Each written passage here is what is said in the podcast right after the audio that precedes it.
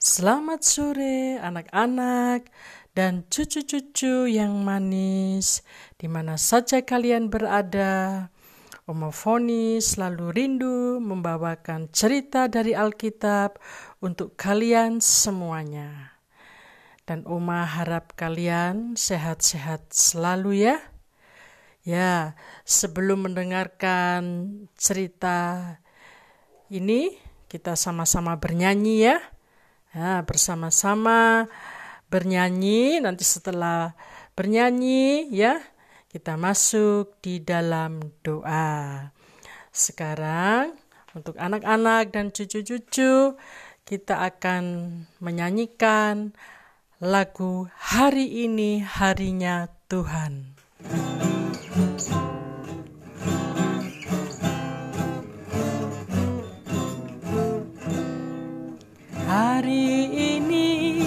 hari ini harinya Tuhan, harinya Tuhan. Mari kita, mari kita bersukaria, bersukaria. Hari ini harinya Tuhan, mari kita bersukaria Hari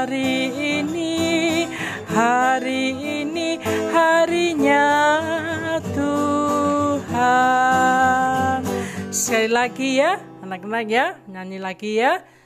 Biar kalian bersuka cita bertambah-tambah ya di dalam Tuhan. Ya, sekali lagi ya kita bernyanyi.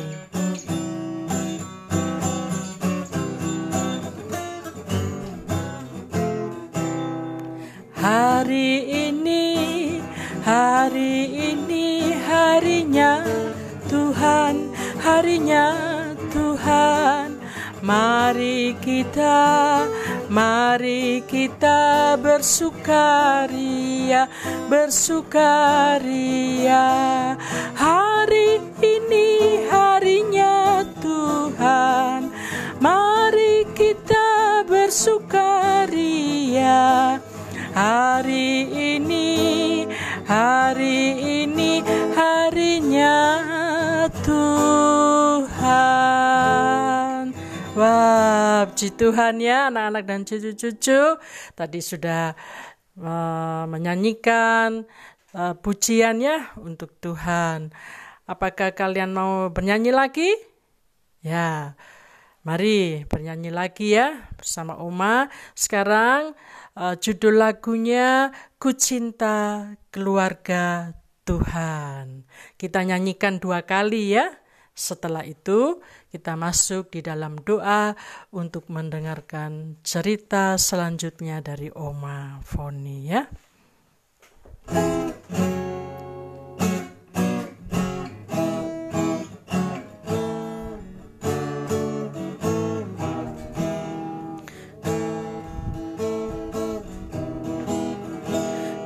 cinta keluarga Tuhan terjalin mesra sekali. Semua saling mengasihi betapa senang ku menjadi keluarganya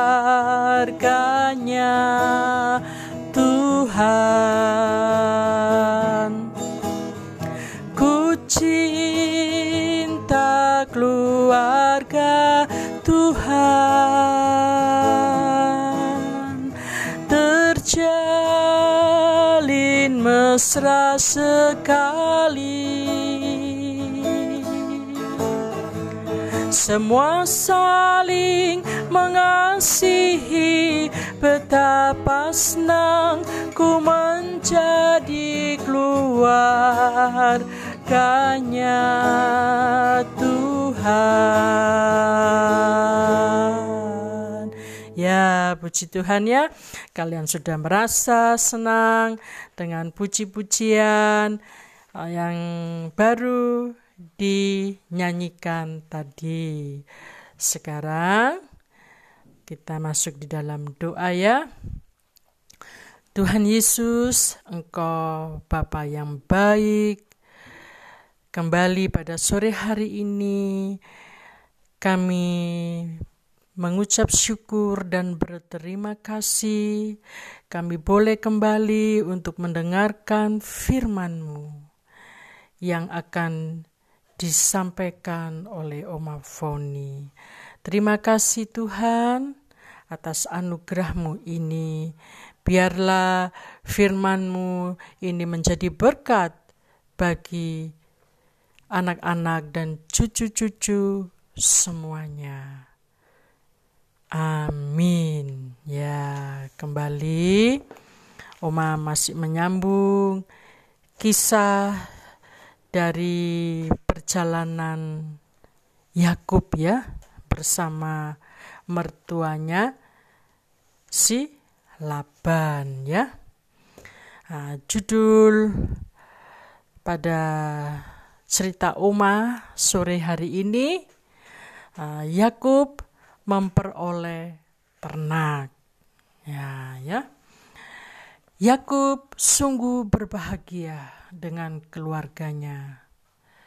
Setelah Rahel melahirkan Yusuf, kemudian Yakub menghadap Laban. Katanya, izinkanlah aku pergi dengan keluarga, istri-istriku dan anak-anakku, untuk aku pulang kembali ke negeriku. Sebab sebagai ganti upaku selama aku bekerja keras untukmu. Ya, Laban mendengar seksama apa yang dikatakan Yakub ya. Lalu apa jawab si Laban? Begini jawabnya. Yakub telah nyata bagiku bahwa Tuhan memberkati aku karena engkau. Pasti aku akan membayar upamu dan memberi kepadamu. Dan aku tahu serta merasakan bahwa sebelum engkau datang, ternak-ternakku sedikit. Engkau yang membuat banyak akan ternak-ternakku sekarang ini. Nah, lalu Yakub juga mendengar apa yang dikatakan uh, ayah mertuanya tadi. Oleh sebab itu, Yakub memohon lagi kepada Laban supaya aku dapat bekerja untuk rumah tanggaku sendiri. Dan Yakub berkata kepada Laban, "Tidak usah kau berikan apa-apa kepadaku. Aku mau lagi menggembalakan kambing dombamu dan menjaganya, asalkan engkau mengizinkan akan hal ini kepadaku." Wah, Laban senang ya. Wah, Yakub tadinya mau pergi, tapi dia masih akan bekerja lagi kepada Laban untuk menjaga ternak-ternaknya. Wah, Laban setuju permintaan Yakub. Nah, lalu Yakub berkata kepada Laban, e, begini katanya, paman, tetapi ada syaratnya. Apa syaratmu? Nah, lalu Yakub berkata, "Bila aku mulai bekerja menjaga memelihara ternakmu, akan kubuat pemisahan antara milikku dan milikmu.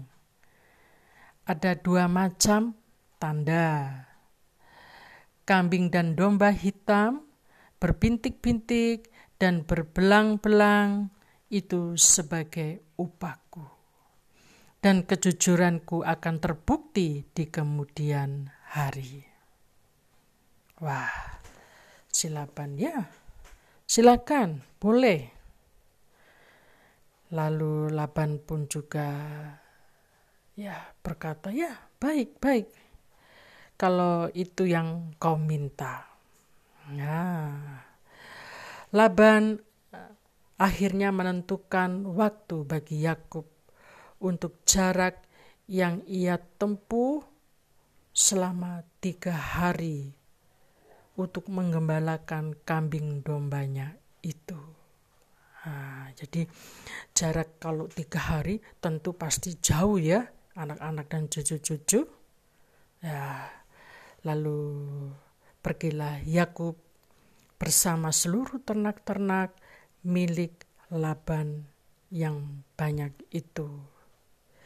Yakub bekerja dengan rajin dan ia sangat pandai sekali.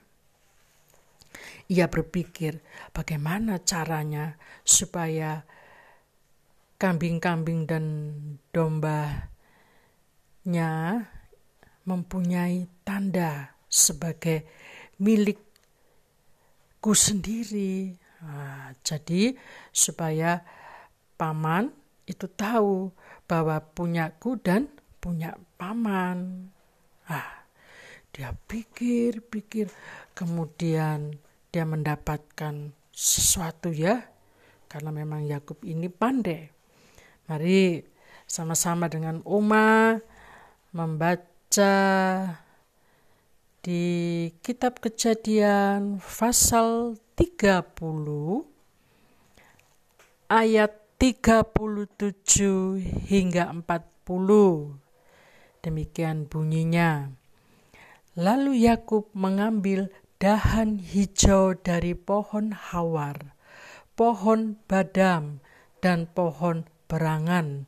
Dikupasnyalah dahan-dahan itu sehingga berbelang-belang sampai yang putihnya kelihatan ia meletakkan dahan-dahan yang dikupasnya itu dalam palungan, dalam tempat minum ke mana kambing domba itu datang minum, sehingga tepat di depan kambing domba itu.